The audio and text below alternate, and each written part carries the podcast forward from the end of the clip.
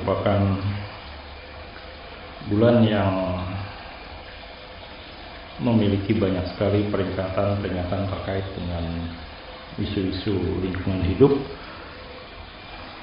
terutama 21 Maret sebagai Hari Kehutanan Internasional 22 Maret sebagai Hari Air Dunia.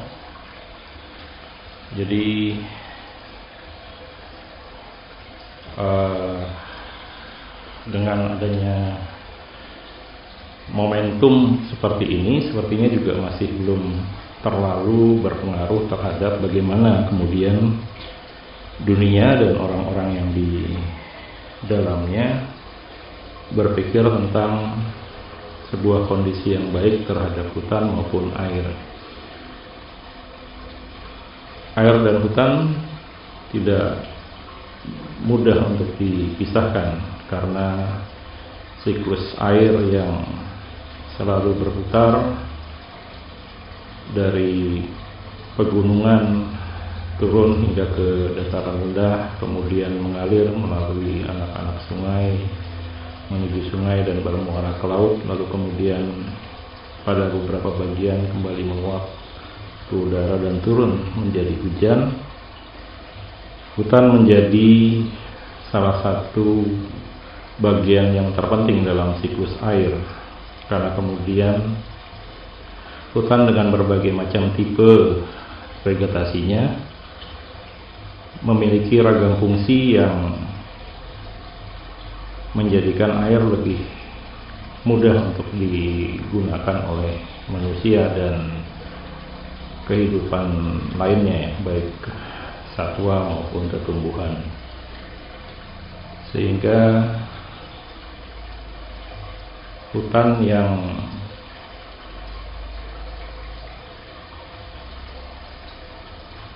berada pada permukaan bumi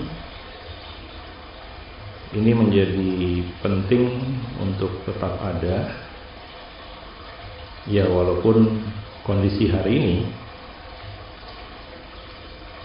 semakin sedikit kawasan yang berhutan karena kemudian pilihan peradaban menjadikan hutan harus dihilangkan. Sudah lama literatur menyebutkan bahwa kayu sebagai salah satu bagian yang dimanfaatkan hutan hanya sebagian kecil dari aset yang ada di dalam hutan. Namun kemudian dengan diambilnya kayu dan juga digunakan lahan hutan untuk kehidupan ataupun untuk kepentingan-kepentingan lain pada akhirnya menghilangkan bagian terbesar dari hutan itu sendiri terutama bagaimana kemudian hutan berperan secara hidrologis menjaga tata air menjadi lebih baik kemudian hutan sebagai sumber berkehidupan jutaan keragaman hayati dan juga hutan berfungsi untuk memastikan bahwa kondisi CO2 di permukaan bumi tidak terlalu berlebih. Ragam inisiatif sudah dilakukan, namun kemudian selalu terbentur pada kepentingan ekonomi dan atas dalih eh, kepentingan kehidupan manusia yang lebih banyak. Walaupun pada awal peradaban manusia hutan telah menjaga dan melindungi kehidupan komunitas manusia dan hingga saat ini mungkin ada beberapa komunitas yang masih merasakan kenyamanan berkehidupan di dalam kawasan hutan dan pada kelompok-kelompok pos modernis kelompok-kelompok yang sudah memenuhi tingkat tertinggi pada uh, keinginan dan kebutuhan hidupnya mereka ingin kembali berkehidupan pada kawasan-kawasan hutan. Realita bernegara dan berpolitik yang diikuti dengan kepentingan-kepentingan ekonomi di balik keduanya menjadikan kawasan hutan dan hutan itu sendiri terutama pepohonan yang mendominasi kawasan berhutan itu kemudian semakin tidak memiliki makna apa-apa selain kepentingan ekonomi dan kepentingan untuk pembangunan. Lalu dengan menghilangnya hutan pun juga tidak membawa satu teguran yang berarti begitu datangnya bencana banjir, kekeringan dan pada beberapa kawasan terjadi longsor pun ketika isu pemanasan global itu semakin diperbincangkan dalam berbagai pertemuan internasional, baik dalam pertemuan-pertemuan ekonomi, pertemuan kesehatan, maupun pertemuan kehutanan itu sendiri, juga belum membawa satu perubahan yang mendasar dalam menemukan titik keseimbangan antara kebutuhan akan kawasan hutan ataupun kawasan berhutan dengan kepentingan ekonomi dan kepentingan pembangunan. Padahal banyak teori dan praktek yang menyebutkan bahwa ketika kemudian hutan hilang maka begitu besar nilai ekonomi yang coba divaluasikan yang kemudian turut serta hilang. Selain juga terjadinya peningkatan pengeluaran ekonomi mulai dari tingkat terendah, ya, tingkat rumah tangga, tingkat desa, tingkat kabupaten kota, hingga tingkat provinsi dan tingkat nasional. Akibat kemudian harus menanggung dampak bencana yang terjadi akibat menghilangnya kawasan berhutan babak baru terkait dengan hutan mulai kembali ramai sebenarnya ketika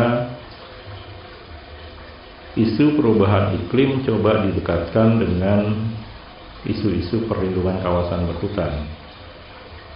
Dimulai dengan upaya untuk mengurangi laju deforestasi hutan-hutan di dunia dalam pertemuan konvensi perubahan iklim internasional. Ini pun sudah lebih dari 13-14 tahun belum beranjak pada sebuah kenyataan yang sungguh-sungguh bahwa sebenarnya tanggung gugat terhadap perlindungan kawasan berhutan bukan hanya menjadi kewajiban bagi negara-negara berhutan.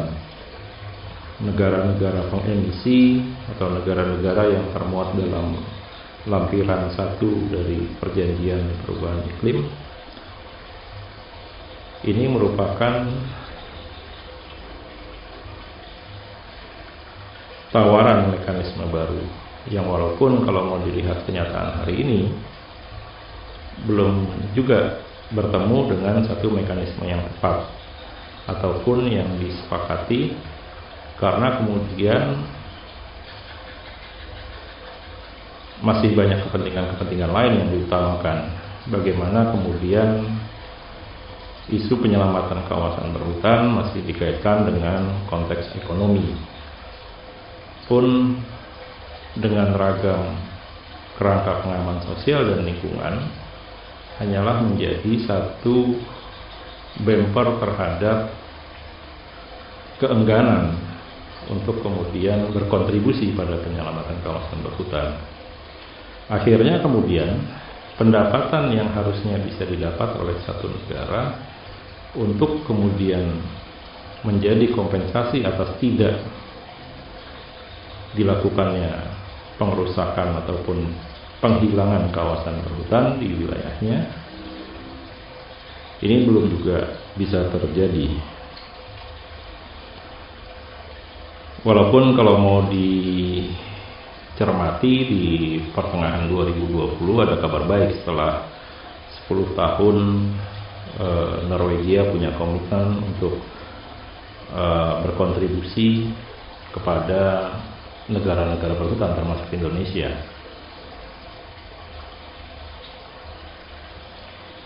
Pada fase pelaksanaan kemudian Norwegia dan Indonesia bersepakat bahwa ada penurunan emisi yang terjadi yang itu harus dikompensasi. 2020 itu terjadi dan disepakati. Sudah memasuki tahun 2021 kembali bertemu pada ketidakjelasan terhadap bagaimana kemudian pendanaan tersebut bisa benar-benar digunakan untuk perlindungan dan pengelolaan kawasan berhutan. Pun dana-dana lain yang bergulir setelah adanya perjanjian Paris ini juga semakin menemukan ketidakjelasannya dalam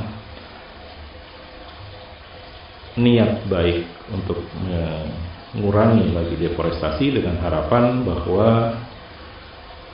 emisi dapat diturunkan dan iklim di dunia setidaknya peningkatan suhu di permukaan bumi itu masih bisa dipertahankan di bawah 2 derajat Celcius.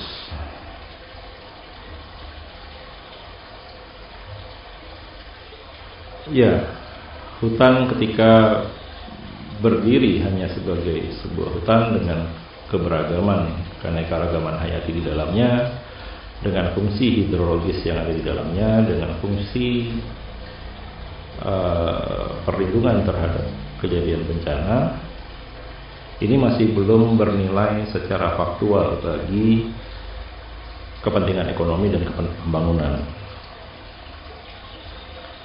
Tantangan ini haruslah bisa dijawab dengan merubah cara pandang ekonomi dan pembangunan itu sendiri. Kalau kemudian dimaknakan bahwa pembangunan itu adalah sebuah modernisasi ekonomi adalah bagaimana kemudian terjadi peningkatan pendapatan lalu bagaimana kemudian kelompok-kelompok yang sampai dengan saat ini masih menggantungkan kehidupannya pada kawasan berhutan itu tetap bisa melanjutkan kehidupannya pun terhadap kelompok-kelompok yang secara langsung maupun tidak langsung bergantung kepada hutan, misalnya petani, kemudian peternak, dan berbagai eh, profesi lain termasuk nelayan misalnya. Ini tetap bisa memperoleh kesejahteraannya dengan aktivitas ekonomi yang dilakukan. Sedangkan di sisi lain, kelompok-kelompok industri, kelompok-kelompok yang kemudian melakukan penggunaan kawasan dalam skala luas dengan pola monokultur, ini kemudian terus difasilitasi baik oleh lembaga keuangan, baik oleh pemerintah sebagai pengelola negara, pun oleh kepentingan-kepentingan negara-negara lain yang saat ini sudah tidak memiliki rantai produksi di negaranya. Akhirnya ya negara-negara berhutang seperti Indonesia ataupun negara-negara yang ada di Amerika Latin Amerika wilayah selatan, kemudian negara-negara tropis lainnya di Asia Tenggara, Asia Timur memperoleh tekanan yang cukup kuat agar tetap menjaga kawasan berhutannya tanpa memperoleh kompensasi yang memadai atas upaya yang dilakukan. Sementara peradaban industri dan perekonomian terus meningkat pada negara-negara yang sudah tidak lagi memiliki kawasan berhutan cukup luas.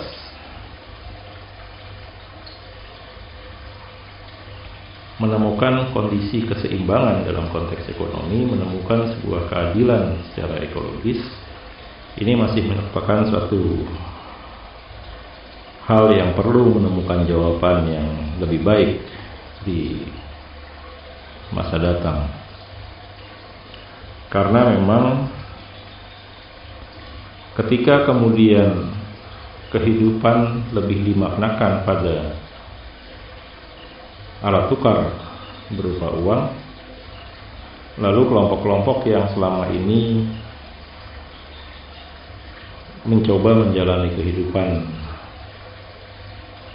dan membangun siklus produksi dan konsumsi sendiri, ini harus terpaksa mengalihkan juga cara pikir dan cara pandangnya. Makanya kemudian wajar berbagai profesi-profesi yang berada pada titik primer dari produksi untuk kebutuhan pangan, kebutuhan sandang, kebutuhan papan.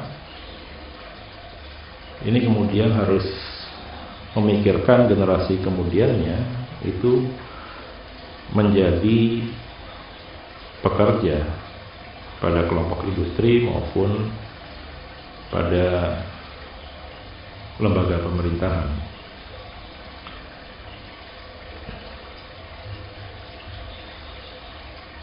Berulang kali saya mendengar cerita terkait dengan bahwa memungkinkan kok untuk bisa menjadi sejahtera dengan menjadi petani sangat mungkin kok untuk mendapat penghasilan yang besar ketika menjadi nelayan. Pun menjadi peternak itu cukup menjanjikan. Tapi kemudian ketika sudah masuk pada rantai distribusi, pada rantai pasar, semua cerita-cerita tadi ya tidak sepenuhnya benar juga. Gitu. Pun pada rantai produksi misalnya, benih-benih tanaman yang produktif yang cukup menjanjikan itu juga tidak murah. Belum termasuk bagaimana asupan-asupan tambahan baik untuk fertilizer, kesuburan maupun untuk penghalau hama yang sekarang semakin banyak akibat uh, terbukanya kawasan hutan. Itu juga menjadi beban bagi kelompok produsen primer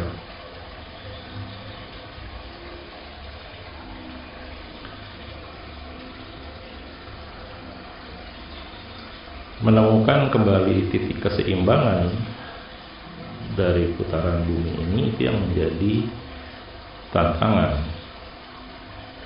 Apakah kemudian memang setiap orang harus didorong menjadi sebuah uh, kelompok pekerja? Ataukah memang industri itu memang harus ditumbuhkan agar kemudian hasil bisa lebih maksimal dan memenuhi kebutuhan hidup lebih banyak orang. Lalu ketika ada kebutuhan lahan dalam skala luas dengan dalih untuk kepentingan pangan misalnya atau untuk kepentingan energi ini kemudian memilih untuk menghilangkan kawasan berhutan ketika terjadi banjir misalnya yang disalahkan ya bukan kelompok-kelompok industri ini selalu saja ketika ada terjadi banjir yang disalahkan adalah perilaku publik yang tidak disiplin dalam membuang sampah pada tempatnya ataupun menjadikan saluran-saluran air itu menjadi semakin berkurang. Padahal kalau mau dilihat lebih jauh, gitu, industrialisasilah yang telah menjadikan air lebih banyak berada di permukaan ketimbang masuk ke dalam kerak bumi.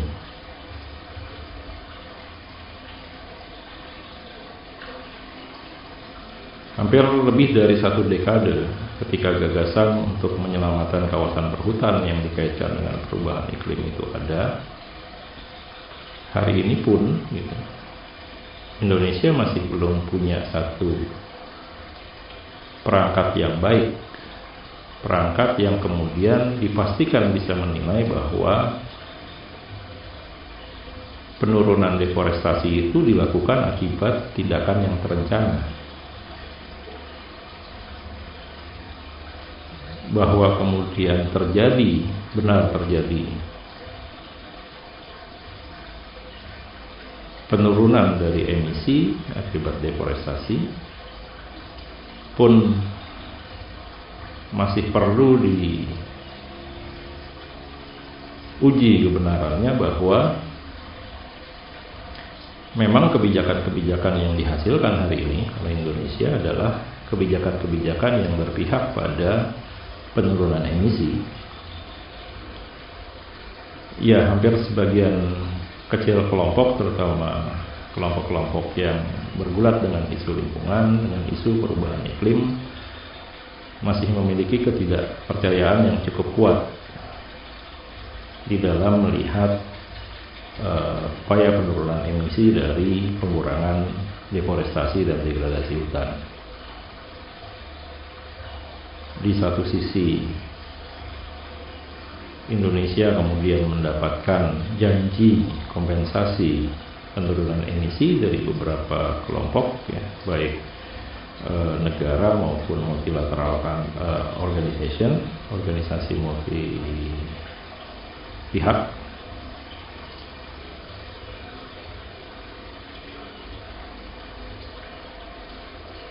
dan itu pun juga masih belum disertai dengan bagaimana nantinya kompensasi itu bisa diakses oleh kelompok-kelompok yang selama ini benar-benar berperan dalam menjaga kawasan berhutan.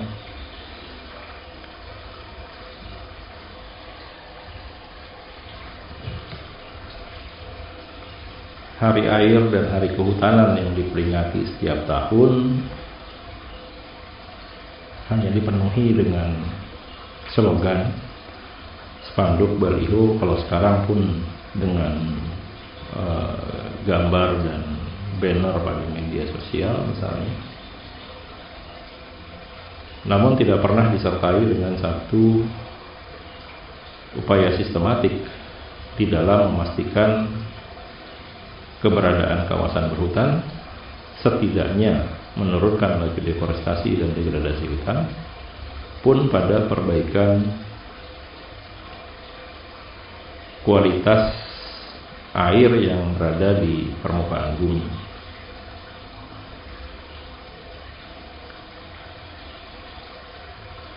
Indeks kualitas lingkungan hidup yang dibangun atas tiga komponen utama, indeks tutupan uh, hutan, kemudian indeks kualitas air dan indeks kualitas udara Senyatanya di dalam berbagai dokumen selalu membaik pada setiap tahunnya. Pada saat yang bersamaan, bila melihat data kebencanaan, baik terutama dari sisi kejadian banjir, kejadian kekeringan, dan kebakaran hutan dan lahan, setiap tahun justru semakin meningkat secara eksponensial. Artinya sebenarnya parameter yang digunakan saat ini untuk menilai kualitas lingkungan hidup tersebut tidak benar-benar menunjukkan dampak yang tepat. Gitu. Karena ketika diukur dengan angka-angka yang lain, terutama dari kebencanaan, ya semakin meningkatnya indeks kualitas lingkungan hidup, bencana juga semakin meningkat atau mungkin parameter ini dibangun untuk memastikan bahwa ada hubungan linear di antara keduanya. Ini tantangan yang lain yang masih perlu ditemukan jawabannya.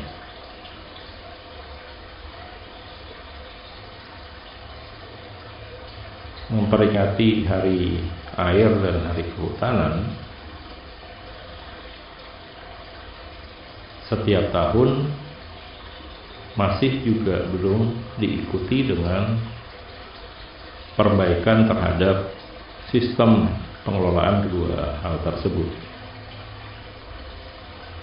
Karena kemudian air didekatkan dengan pendekatan teknis struktural, bagaimana kemudian air bisa mengalir di drainase-drainase yang dibuat ataupun di kanal-kanal yang dibuat ataupun kemudian dibendung pada satu kawasan dengan harapan kemudian dia bisa dikelola. Padahal hampir sebagian besar desain teknis untuk pengelolaan air masih merupakan keilmuan hidrokinetik.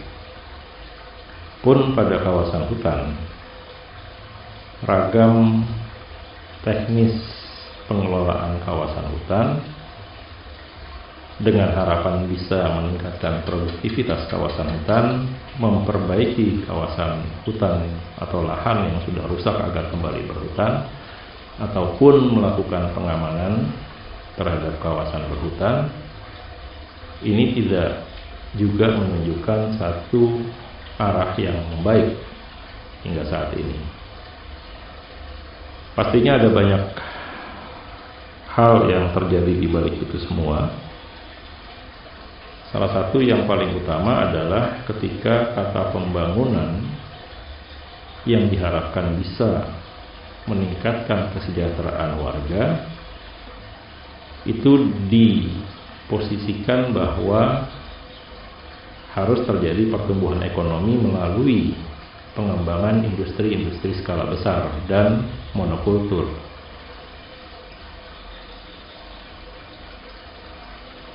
Makanya ke dalam peraturan hukum dan kebijakan yang dilahirkan adalah bagaimana kemudian memfasilitasi keberadaan industri skala besar dan monokultur.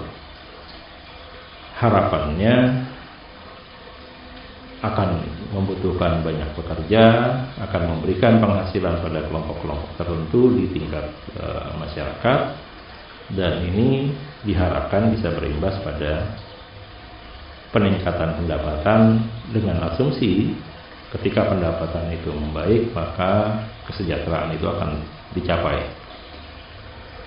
Padahal kemudian kesejahteraan manusia ataupun kelompok masyarakat tidak semata-mata hanya diukur dari pendapatan. Kesejahteraan harus benar-benar diukur bagaimana kemudian rasa aman memperoleh kehidupan yang layak serta memiliki kondisi yang baik, kondisi lingkungan hidup yang baik dan sehat, serta memastikan bahwa tingkat tertinggi dari piramida Maslow itu bisa terpenuhi.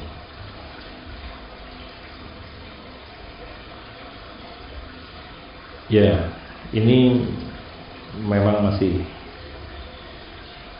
selalu terjadi ketika kemudian kepentingan negara, kepentingan antar negara, kepentingan lembaga keuangan baik yang bersifat lokal maupun internasional dan kepentingan politik di dalam sebuah negara maupun politik antar negara itu masih mengedepankan ketakutan-ketakutan terhadap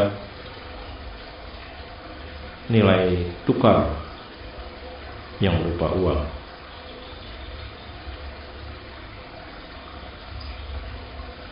Kerugian akibat terjadinya bencana hidrometeorologis itu masih belum masuk di dalam neraca keuangan sebuah negara maupun neraca keuangan internasional. Semua masih diukur pada pendapatan regional atau pendapatan sektoral yang kemudian seberapapun tingginya pendapatan tersebut ia tidak beririsan dengan pengurangan kemiskinan, pengurangan kejadian bencana dan tidak beririsan juga dengan terjadinya peningkatan kesejahteraan warga. Ya, mungkin ini sesuatu yang tak penting di saat hari kehutanan dan hari air itu masih diingat oleh segelintir orang yang mengingatnya.